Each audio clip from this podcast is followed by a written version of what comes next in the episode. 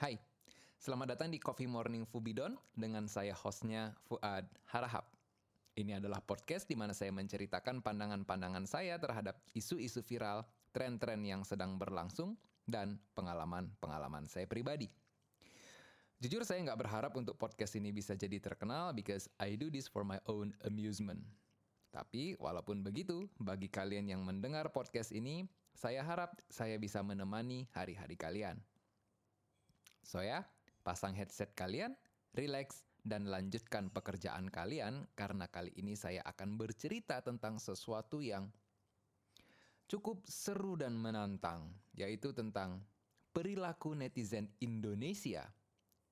Perilaku netizen barat, jadi kita mencoba mencari perbandingan di sini. Lalu kita membahas tentang Hogwarts Legacy, sorry, Hogwarts Legacy. Kalau orang Cockney bilangnya Hogwarts Legacy dan yang terakhir adalah kesimpulan saya tentang cerita-cerita dangkalnya manusia. Tapi sebelum langsung membahas ini semua, ada sedikit um, luapan emosi yang harus saya luapkan di podcast kali ini. Dan saya rasa karena um, saya bukan termasuk orang yang ekspresif, jadi saya mencoba melakukannya dengan um, sedikit anggun luapan emosi ini yaitu saya kesal yang sangat luar biasa. Iya nggak kelihatan kalau saya sedang kesal, tapi benar saya sedang kesal kali gitu. Jadi begini ceritanya. Kenapa setelah memenangkan Piala Karabau, Kerbau, atau Piala Carling dulu namanya, tiba-tiba bisa kalah 7-0 memalukan sekali dengan Liverpool yang notabene lagi nggak perform, not performing well. Kok bisa ini terjadi di klub sekelas MU?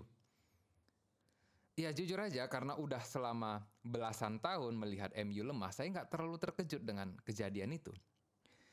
Tapi kenapa harus dengan sebuah cara dan di sebuah kejadian yang tidak mengenakkan gitu loh. Dan kalanya pun banyak gitu. Itu memalukan sekali gitu. Saya saya hidup sebagai fans MU di masa di mana saya menyaksikan kekalahan-kekalahan yang begitu menyakitkan terjadi bertubi-tubi. Dan rata-rata kekalahan itu melawan um, rivalnya gitu. Saya masih ingat tahun 2011 saya tidak akan pernah lupa itu. Kalah 1-6 lawan Manchester City menyakitkan sekali gitu. Habis itu saya masih ingat kalah sama Tottenham di tahun 2020 eh 2019 3-0. Di kandang pula lagi. Kalah sama Liverpool 0-5 di kandang, di tandang 4-0 dan sekarang 7-0. Ini terjadi di masa yang berdekatan gitu dan itu sakit sekali rasanya gitu. Ah, iya nggak apa-apa kalah. Semua semua tim sepak bola pasti pernah merasakan kekalahan. Itu itu itu that's that's just how football goes. Tapi ya nggak perlu kayak gitu-gitu kali gitu. Apalagi dengan sebuah mental yang sangat um, sedang tinggi-tingginya gitu kan. Dengan tim yang sangat uh, kompak dan komplit gitu. Kok bisa ini terjadi gitu? Ya, saya nggak akan membahas, uh, saya tidak akan mencoba mencari alasan dari sudut pandang um, taktikal karena saya tidak terlalu memahami taktik sepak bola. Saya cuma fans sepak bola biasa. Tapi kalau saya pikir, mungkin ada kaitannya dengan MU yang sedang capek. Ya, memang, memang gini ya. Um, di dalam selang waktu Februari aja, MU itu kurang lebih seminggu itu tiga kali bertanding dan itu terjadi selama empat minggu. Dan sebelum MU lawan Liverpool, mereka bertanding di Piala FA melawan West Ham, yang di mana dua hari sebelumnya bertanding di final Carabao Cup melawan Newcastle, dan kurang lebih tiga hari sebelumnya bertanding di perdelapan final melawan uh, perdelapan final Piala UEFA melawan Barcelona. Jadi ini adalah tiga pertandingan besar yang dilaksanakan oleh MU secara berurutan. Tiba-tiba akhirnya harus melawan Liverpool lagi rivalnya di Piala eh, di Liga Inggris gitu. Jadi saya maklum melihat MU yang sedang kecapean sangat-sangat melelahkan karena memang ini pertandingan besar semua dan ya barusan juara Carabao Cup biar bagaimanapun setelah 2017 terakhir juara ada yang dia banggakan baru sekarang lagi bisa kalian bayangkan sebagai yang non fans MU atau artinya manusia biasa karena yang ngefans sama MU itu adalah manusia yang istimewa. Tapi saya saya ngerti mereka kelelahan, mereka kecapean, tapi saya tetap tidak terima karena bukan perkara kalahnya biar bagaimanapun kalah 7-0, 10-0, 1-0, 2-0 um, tidak tidak tidak terlalu masalah kalau setelah berikutnya itu bakalan menang lagi kan gitu. Kita bisa kalah 1-0 atau 8-0 di satu pertandingan tapi di sisa pertandingan lainnya kita menang terus ya kita bisa juara dengan dengan track record seperti itu. Yang paling nggak saya terima itu adalah ejekannya gitu. Jadi yang saya perhatikan di dunia ini hanya ada dua tipe manusia. Yang pertama fans MU atau yang kedua hatersnya MU gitu. Jadi sebagai fans MU, saya sudah biasa mendapatkan uh, serangan-serangan atau ujaran-ujaran ataupun perundungan kebencian gara-gara status saya yang hanya seorang fans MU. Ya, sepertinya di dalam kehidupan ini saya terlalu banyak mengaliansikan diri kepada sesuatu yang salah sehingga yang namanya bulian itu udah biasa saya alami gitu. Tapi jangan sekarang maunya, maunya nanti gitu kan. Entah di musim baru kek atau di kapan gitu kan. Dan kalahnya dengan anggun, gak kayak begini gitu. Berat kali itu ah. Cuman ya udah gitulah gitu kan. Kecapean, itulah alasan yang bisa saya kasih.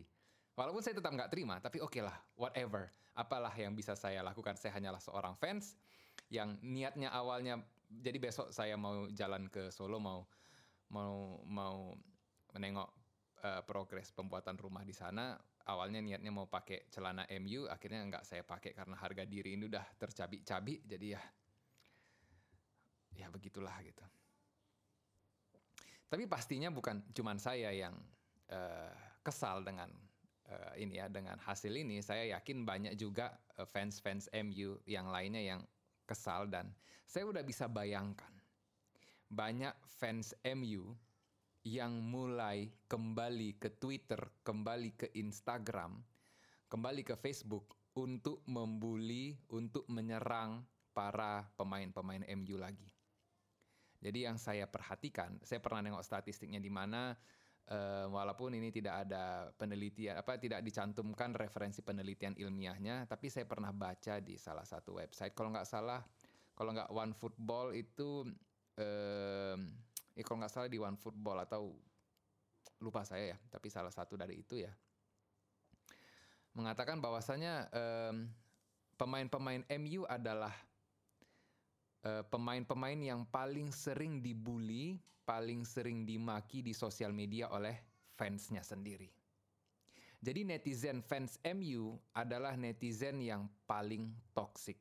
Kecuali saya, saya nggak toksik. Saya menerima kenyataan dengan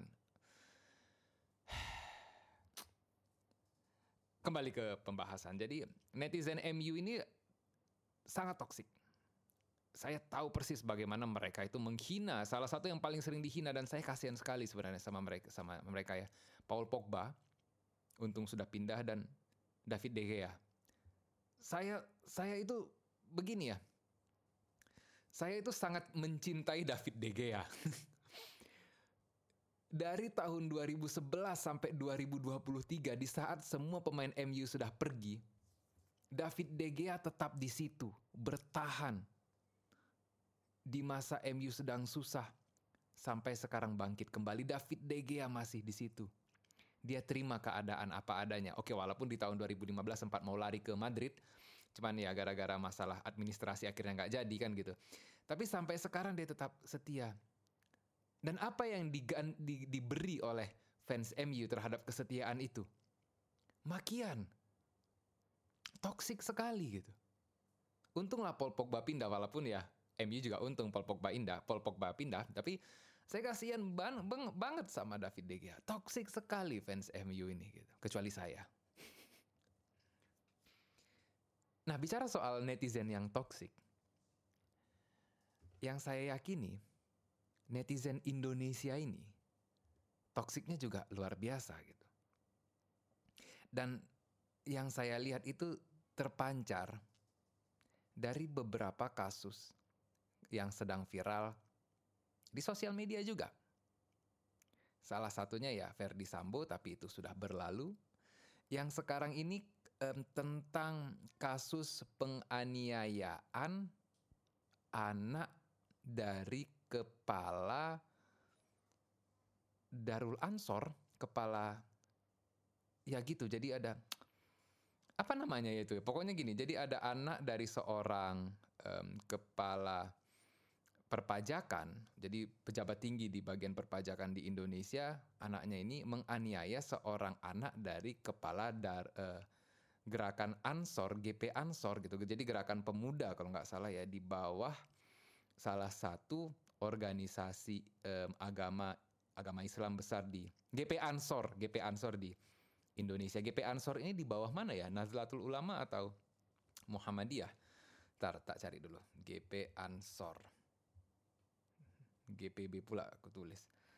Di bawah Nadlatul Ulama. Nah kasus ini jadi viral. Karena ya penganiayaan kita orang Indonesia dan ya banyak orang di dunia ini lebih suka sama berita-berita yang berkaitan dengan kekerasan. Jadi karena ini adalah berita kekerasan jadi dia uh, by by default langsung populer gitu kan. Yang saya pahami dari cerita yang terjadi ini bahwasanya si anak uh, perpajakan ini menganiaya si anak uh, GPA ini karena ceritanya nih si anak GPA ini punya mantan dan mantannya sekarang itu pacaran. Ya bisa salah ya cuman kurang lebih ceritanya konteksnya kayak gitu pacaran sama si anak dari perpajakan ini. Nah tiba-tiba entah mungkin si anak dari GP Ansor ini masih sering ganggu si anak si pacar si mantan ini gak senang dia si anak eh, perpajakan ini.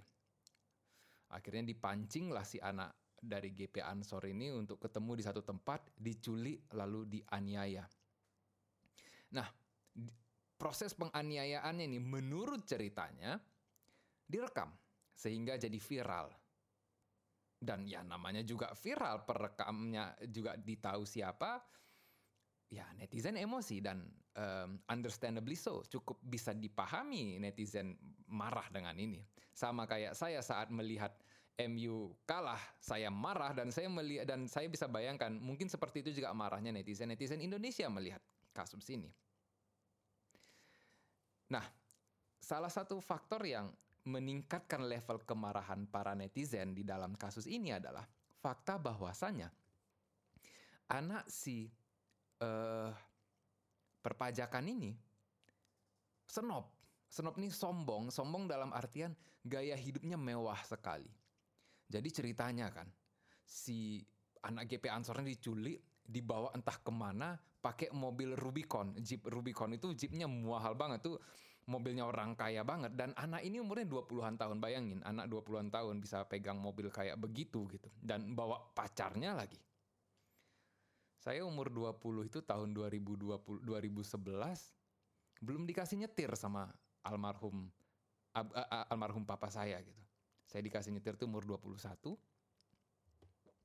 dan ya nggak pernah tahu rasanya di umur segitu pegang mobil mewah gitu. Tapi oke okay lah, bukan itu poinnya. Poinnya adalah anak ini um, senop dan ya gaya hidupnya kayak jadi sampai diperiksa sama netizen Indonesia di sosial media si anak ini dia pernah naik motor Harley gitu punya punya motor Harley gitu nggak tahu sih punya atau enggak cuman bergaya lah gitu kan nah akhirnya cerita tentang penganiayaan ini beralih dari kasus penganiayaan menjadi kasus exposure, mengekspos gaya hidup kekayaan, eh, gaya hidup si anak ini yang kaya dan gaya hidup orang tuanya sebagai perpajakan yang sangat kaya gitu. Dan gaya hidup seperti ini tidak bisa diterima oleh masyarakat Indonesia terutama karena kita merasa merasa ya um, bahwasanya sebagai petinggi suatu instansi tetap harus menampilkan gaya hidup yang sederhana. gaya hidup yang apa adanya. Kita di kita budaya kita orang Indonesia adalah budaya yang menghargai kesederhanaan. Dan apalagi jika dia adalah pejabat-pejabat pemerintah kan gitu. Jadi gaya hidup seperti ini tidak di, bisa diterima. Netizen pun mulai akhirnya mencoba mencari-cari kesalahan, terutama di dalam kasus finansial atau bahasa lainnya korupsi dari si petugas perpajakan ini. Diperiksa begitu dalam, begitu dalam, begitu dalamnya sehingga mendorong si petugas perpajakan ini untuk entah mengundurkan diri atau diundurkan. Saking viralnya kasus ini pun Sri Mulyani sempat uh, angkat bicara soal kasus ini. Luar biasa sekali. Ya, anaknya yang buat salah, bapaknya harus mundur. Itu bagi saya nggak masuk akal. Tapi oke, bukan sampai di situ aja perjuangan netizen untuk mencari kesalahan si um, orang tua. Jadi begini bayangin ya. Jadi bukan jadi gini, anaknya yang me menyiksa, orang tuanya dicarikan kesalahan. Nggak puas si bapaknya dicarikan kesalahan, mamanya pun mulai dicarikan kesalahan. Ternyata ini saya dapat dari istri saya, saya nggak nggak nggak tahu persis um, ininya data faktanya, tapi katanya gini. Ternyata mamanya punya restoran. Oleh para netizen, restoran ini diberikan rating serendah-rendahnya, uh, review serendah-rendahnya di media sosial sehingga dibuat sebagaimana mungkin agar restoran ini jatuh Saya rasa ini nggak layak dilakukan oleh rakyat Indonesia, terutama mereka-mereka yang pegang internet. Tentu yang dilakukan si anak kurang baik.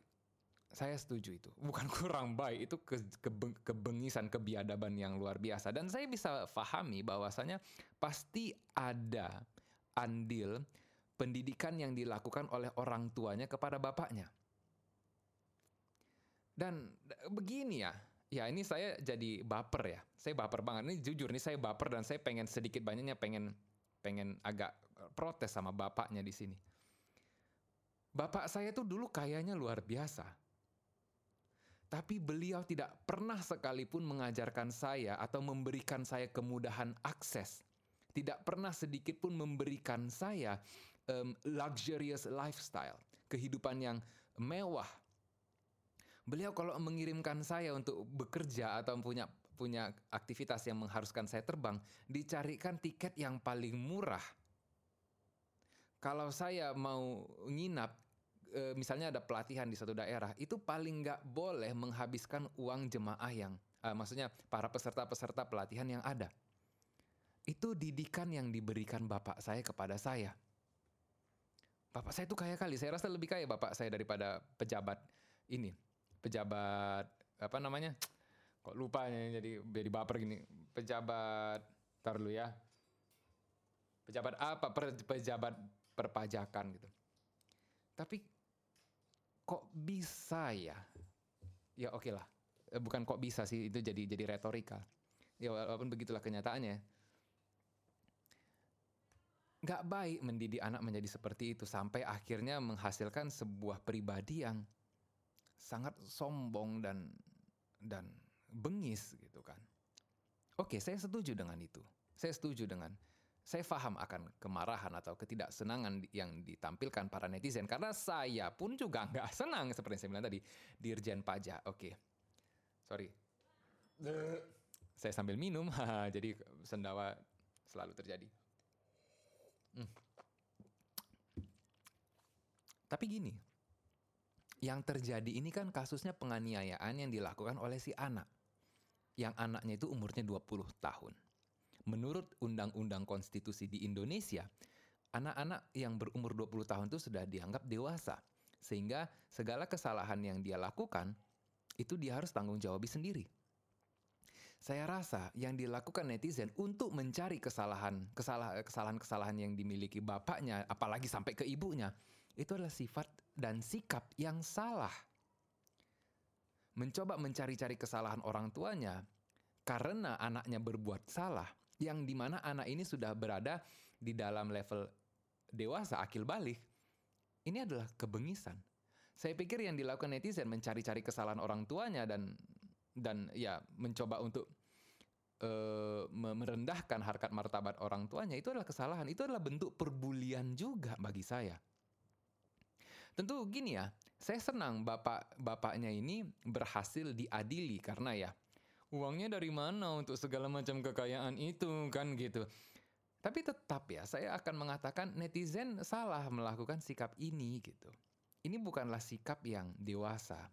Walaupun sekali lagi saya akui kalau nggak karena ini mungkin tidak terekspos. Tapi oke okay lah, mungkin bapaknya ada sedikit um, harus diadili dari sini. Tetapi ya kalau ini benar ceritanya, saya nggak tahu ini benar atau enggak. Tetapi untuk sampai menyerang ibunya yang punya restoran yang mungkin tidak pernah mendidik, eh, enggak saya nggak tahu ya, yang nggak punya hubungan sama sekali lah di kasus ini ya. Ya kita kan di Indonesia gini kan, kalau ada anak buat jahat kan yang kita cari bapaknya dulu bukan mamanya kan gitu. Jadi untuk tiba-tiba mamanya diserang juga gitu, itu rasanya rasa keterlaluan gitu. Dan saya perhatikan ini berkali-kali e, terjadi di netizen-netizen Indonesia gitu. Saya saya nggak akan me, me, me, memaksa kalian untuk mengambil sikap seperti saya. Kalau kalian ingin membuli orang-orang yang anaknya berbuat jahat, yaitu hak masing-masing. Saya tetap mengatakan itu bukan sebuah sikap yang pantas diambil, setidaknya untuk standar saya sendiri saya akan menyayangkan kalau misalnya itu terjadi, wah beginilah manusia. Tapi itu adalah hal terjauh yang saya lakukan gitu. Awalnya saya ya idealnya pun saya tidak komen terhadap kejadian-kejadian itu karena saya mau komen pun ini bukan hanya tentang si bapak yang mohon maaf kalau saya salah si bapak yang bermain-main dengan uang pajak. Ini bukan hanya tentang si bapak yang salah mendidik anak dan ini bukan hanya tentang anak yang salah salah terdidik. Kalaupun kita lakukan ini kepada si dirjen pajak itu, kita lakukan ini kepada si anak-anak yang salah dididik itu, mohon maaf saya pakai istilah salah dididik dan agak baper di sini, um, itu tidak akan merubah keadaan. Saya pikir akan tetap banyak petinggi-petinggi pejabat-pejabat negara yang melakukan hal yang sudah dilakukan, tetapi tidak terekspos gitu. Jadi untuk menyerang satu orang, karena kita yakini orang ini melakukan sebuah kejahatan yang di mana kejahatan ini hampir pasti, hampir dilakukan, banyak dilakukan oleh pejabat-pejabat lainnya gitu. Saya pikir itu tidak akan mengubah situasi. Yang ada menurut saya ini hanya akan menghasilkan trauma yang mendalam kepada si anak ini dan kepada si orang tuanya gitu. Ya beginilah ya. Coba bayangkan ya kasus ini ya. Katakanlah orang tua saya masih hidup tiba-tiba saya ketahuan melakukan sebuah kejahatan gitu. Apa ya misalnya? Misalnya ya ini saya nggak pernah melakukan ini ya. Misalnya gini saya ketahuan mengedar obat-obatan terlarang. Tiba-tiba gara-gara saya ketahuan yang dicari itu bapak saya gitu. Ini kita anggap aja bapak saya masih hidup. Dan bapak saya itu dicari kesalahan-kesalahannya gitu. Kan nggak adil gitu. Yang harusnya didakwah ya saya. Saya sudah akil balik gitu. Umur saya 20 tahun pun saya sudah wajib menanggung uh, dakwaan itu sendiri tanpa harus melibatkan orang tua saya gitu. Apalagi sampai di di fitnah di ya saya nggak ngatakan itu di fitnah ya, lebih kepada dibully gitu. Memang anak-anak zaman sekarang ini gaya-gaya uang-uangnya atau uang bapaknya belum tentu halal juga, bukan halal ya, bukan tentu. Ya gitulah, karena ada memesnya itu ya. Jadi ya, saya rasa sebagai netizen kita perlu lebih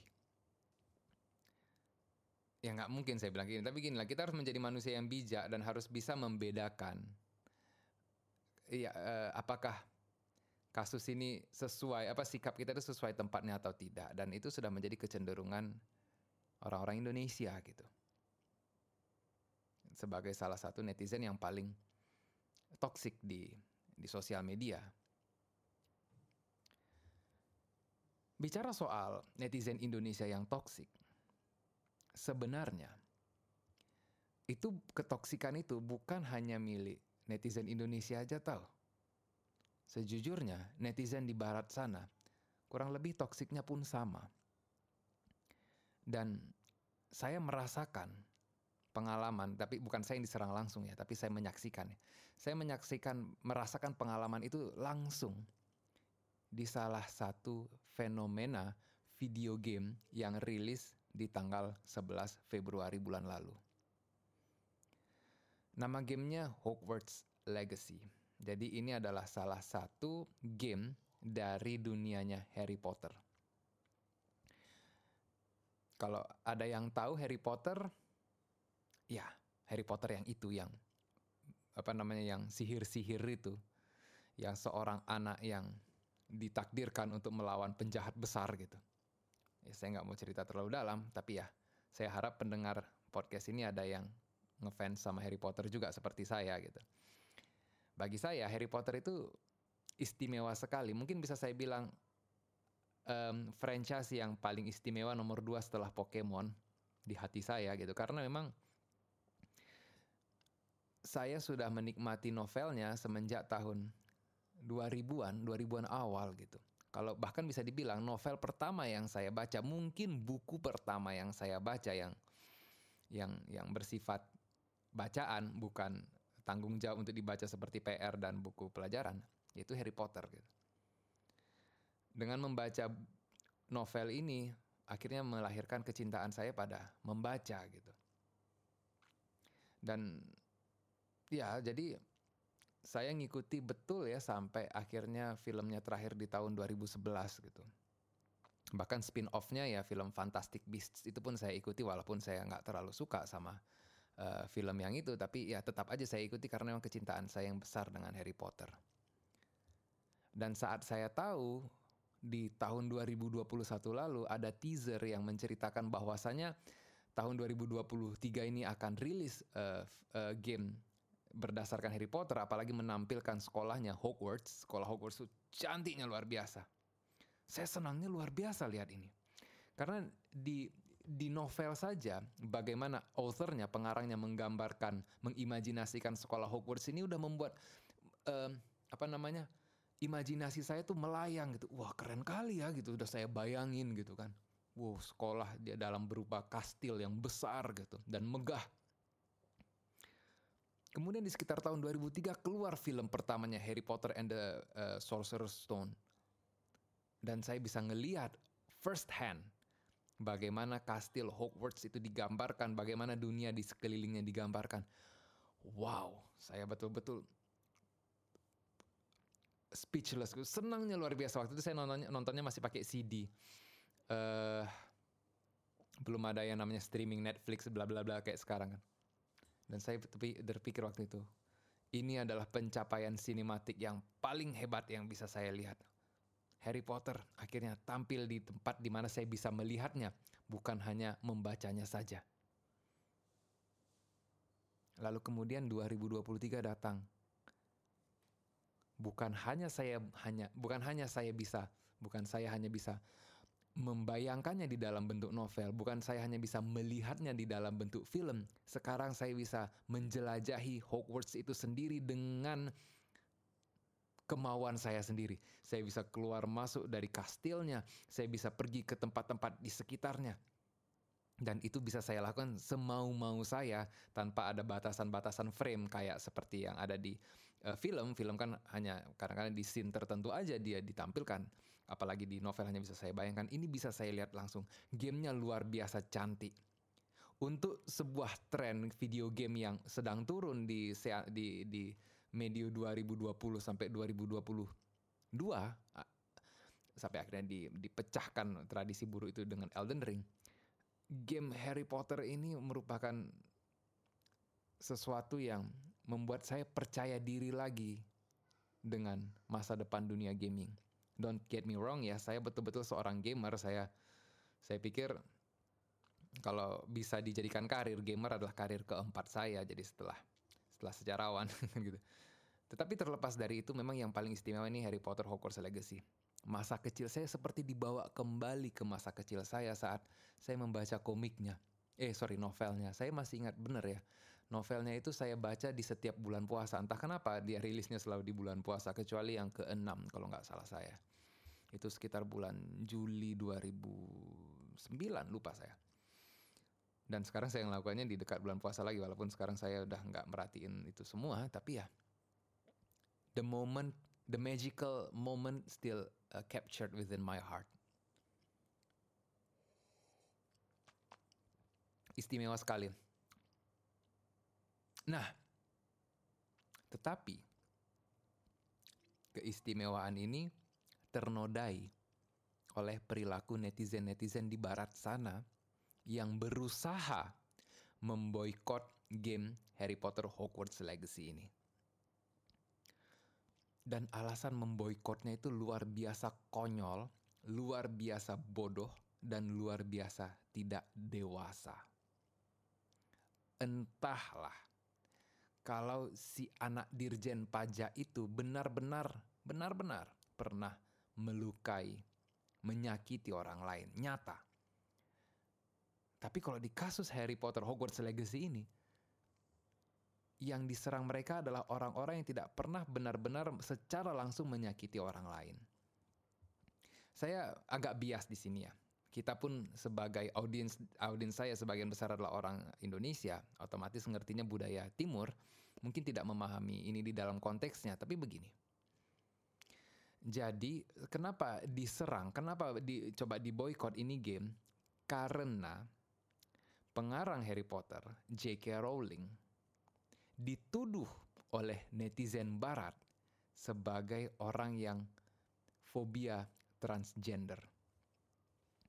Saya nggak terlalu tahu persis. Ya, seperti yang saya bilang ya, saya itu mendukung hak para orang-orang LGBTQ. Saya mendukung hak untuk mereka mendapatkan perilaku yang selayaknya manusia biasa. Saya tidak merasa ada yang salah dengan uh, fenomena LGBTQ karena toh memang ini adalah sesuatu yang terjadi secara natural di dalam uh, proses kita umat manusia yang seperti ini saya akan mengatakan LGBTQ itu tidak tidak normal in a sense of how bagaimana kita harus reproduksi gitu. Karena saya merasa kenormalan adalah di saat kita bisa reproduksi dengan baik dan kita bisa bertahan hidup. Tapi ya tapi oke. Okay, saya tahu apa saya tidak tidak tidak ahli di dalamnya, tapi intinya begini.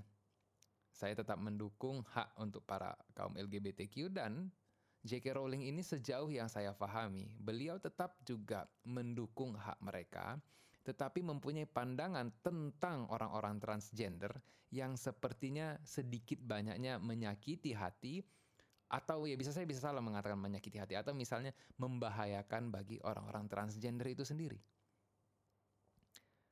Dan karena si author dari Harry Potter ini diduga um, anti transgender, sehingga orang-orang netizen di barat sana, terutama yang mempunyai afiliasi politik liberal ke kiri, mencoba untuk memboikot ini game. Untuk catatan aja ya, Hogwarts Legacy ini tidak dibuat bersamaan eh, bersama-sama si authornya, tidak dibuat bersama-sama si J.K. Rowling.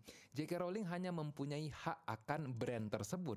Beliau tidak terlibat sama sekali terhadap proyek Hogwarts Legacy ini. Beliau hanya memberikan izin dengan beberapa batasan-batasan saja. Semua dari game ini dikerjakan oleh developernya sendiri. Jadi si developer ini tidak tahu menau tentang J.K. Rowling bagaimana dan sama sekali tidak punya urusan terhadap pandangan politik maupun pandangan personal si author. Tentu dia memakai brand yang dibuat si author itu, tetapi apa pun yang ada di dalam pikiran dan di dalam ekspresi si developer tidak ada hubungannya dengan author. Dan sekarang netizen di barat sana berusaha untuk memboikot ini game Coba bayangkan, kira-kira kayak gini contohnya. Si tapi dirjen pajak tadi kan, anaknya ya kurang lebih kayak begitulah, anaknya yang berbuat kesalahan, kok dirjen pajaknya yang diserang. Dan ini bukan hanya di situ ya, yang yang berbuat salah ini ini ilustrasi untuk kasus J.K. Rowling dan Harry Potter ini tadi ya, gini. Yang buat salah itu anak seorang dirjen pajak tiba-tiba netizen ingin memboikot perpajakan Indonesia. Kira-kira kayak begitu anehnya. Dan itu dilakukan secara terus-menerus, mengerikan sekali. Jadi ada, ya gini, itu nggak nyambung dan dan bukan hanya dan dan dan ini mengerikan ya di di barat sana.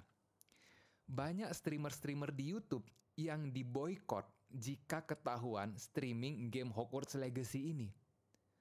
disuruh apa namanya jika ketahuan mengstreaming biasa streamer game kan kayak gitu ya langsung di boycott langsung di subscribe langsung di dislike uh, ininya uh, kontennya gitu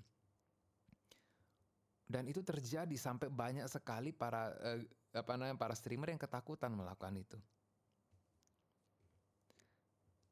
ancaman-ancaman makian-makian bulian-bulian terjadi untuk sebuah video game Guys, video game ini dibuat untuk kita have fun. Saya merasa video game ini bukan sesuatu yang dibuat untuk menyampaikan pesan-pesan politik. We just want to have fun. Saya, ya begini, saya orang timur, biar bagaimanapun, jadi saya nggak ngerti. Kenapa kalian itu untuk sebuah sesuatu yang dikatakan oleh orang lain, kalian merasa sakit hati gitu. Kenapa kalian sakit hati terhadap pandangan seorang J.K. Rowling terhadap transgender? Kalian yang sakit hati ini pun mungkin bukan transgender. Kenapa kalian sakit hati untuk orang lain? Kan lucu gitu loh. Dan bukan hanya sekedar sakit hati, kalian berusaha untuk membuli, berusaha untuk memboikot orang-orang yang memainkan game yang tidak dibuat oleh orang oleh author ini gitu kan konyol sekali gitu. Tapi ya, berita baiknya, walaupun diterpa berbagai macam masalah seperti ini, syukurnya game ini tetap sukses. Game Hogwarts Legacy tetap sukses. Gamenya ya kalau saya bisa kasih skor 7 sampai 7,5 tidak begitu istimewa. Ya saya merasa itu istimewa karena memang dia adalah tentang Harry Potter. Tapi uh, gameplay wise dia dia 7,5 lah dialognya, actingnya cringe saya rasa. Plotnya lumayan bagus, menarik, karakternya juga cukup menyenangkan. Jadi banyak karakter-karakter yang simpable. Jadi kalian yang orang netizen mungkin tahu bahasa saya ini. Um, gamenya bagus, gamenya bagus.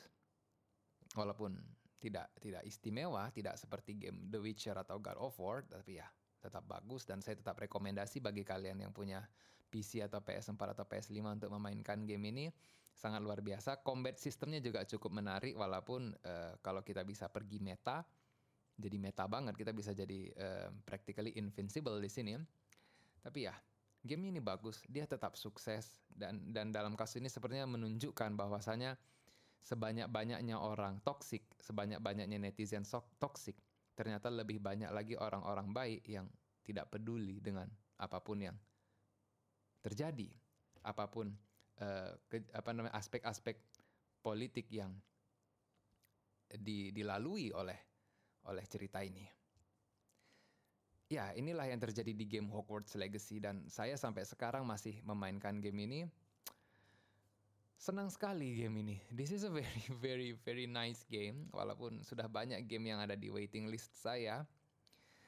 Jadi ya sebenarnya sejujurnya beberapa hari terakhir ini saya lebih banyak menghabiskan waktu di kamar untuk mainkan game dan udah ada. Ya cuman kalau nggak karena anak-anak mungkin saya bisa 7 jam. Dulu tuh saya sanggup 7 jam main game aja gitu nonstop. Sekarang udah ada anak-anak mungkin sekitar 15 sampai 20 menit sekali pasti langsung diganggu. Jadi ya eh uh, gitu kan. Tapi ya oke okay lah. Jadi kenapa saya jadi curcol lagi nih? Jadi jadi ya ini kembali ke pelajaran ya. Tunggu, saya minum dulu sedikit. Saya saya cemas dengan masa depan manusia di dalam kasus ini ya. Karena oke okay, netizen itu tidak merepresentasikan mayoritas dari masyarakat di bumi ini. Tapi setidaknya begini ya. Internet, sosial media yang saya yakini didesain untuk kita berkomunikasi satu sama lainnya. Untuk kita bisa saling mengerti satu sama lainnya. Untuk kita melakukan dialog supaya kita menjadi orang yang lebih berpikiran terbuka dan lebih saling menghargai. Saya meyakini itu yang dibuat. Itu niatan sosial media itu dibuat. Tetapi kenyataannya yang saya lihat sekarang justru sebaliknya. Sekali lagi, orang-orang netizen tidak mayoritas orang di dunia ini. Tapi begini, orang-orang di netizen tidak menunjukkan sedikit pun kualitas-kualitas mayoritas orang-orang netizen ya tidak kualitas-kualitas seseorang yang mempunyai um, kesabaran, mempunyai kelapangan hati. Kebanyakan dari mereka didorong, didorong oleh amarah. Kebanyakan dari mereka justru bukan tambah pintar, makin bodoh gitu loh misalnya. Tidak bisa berpikir terbuka, tidak bisa berpikir dengan jernih. Saya melihat begitu banyak konten-konten yang uh, mistis, konten-konten hantu, konten-konten religius yang justru dibuat me membodohi masyarakatnya, membodohi audiensnya. Saya bertanya gitu. Kok yang kayak begini kalian buat? Seharusnya dengan adanya sosial media, dengan adanya internet, dengan adanya informasi, kalian harusnya lebih dewasa di sini. Tapi apa boleh buat itu tidak terjadi.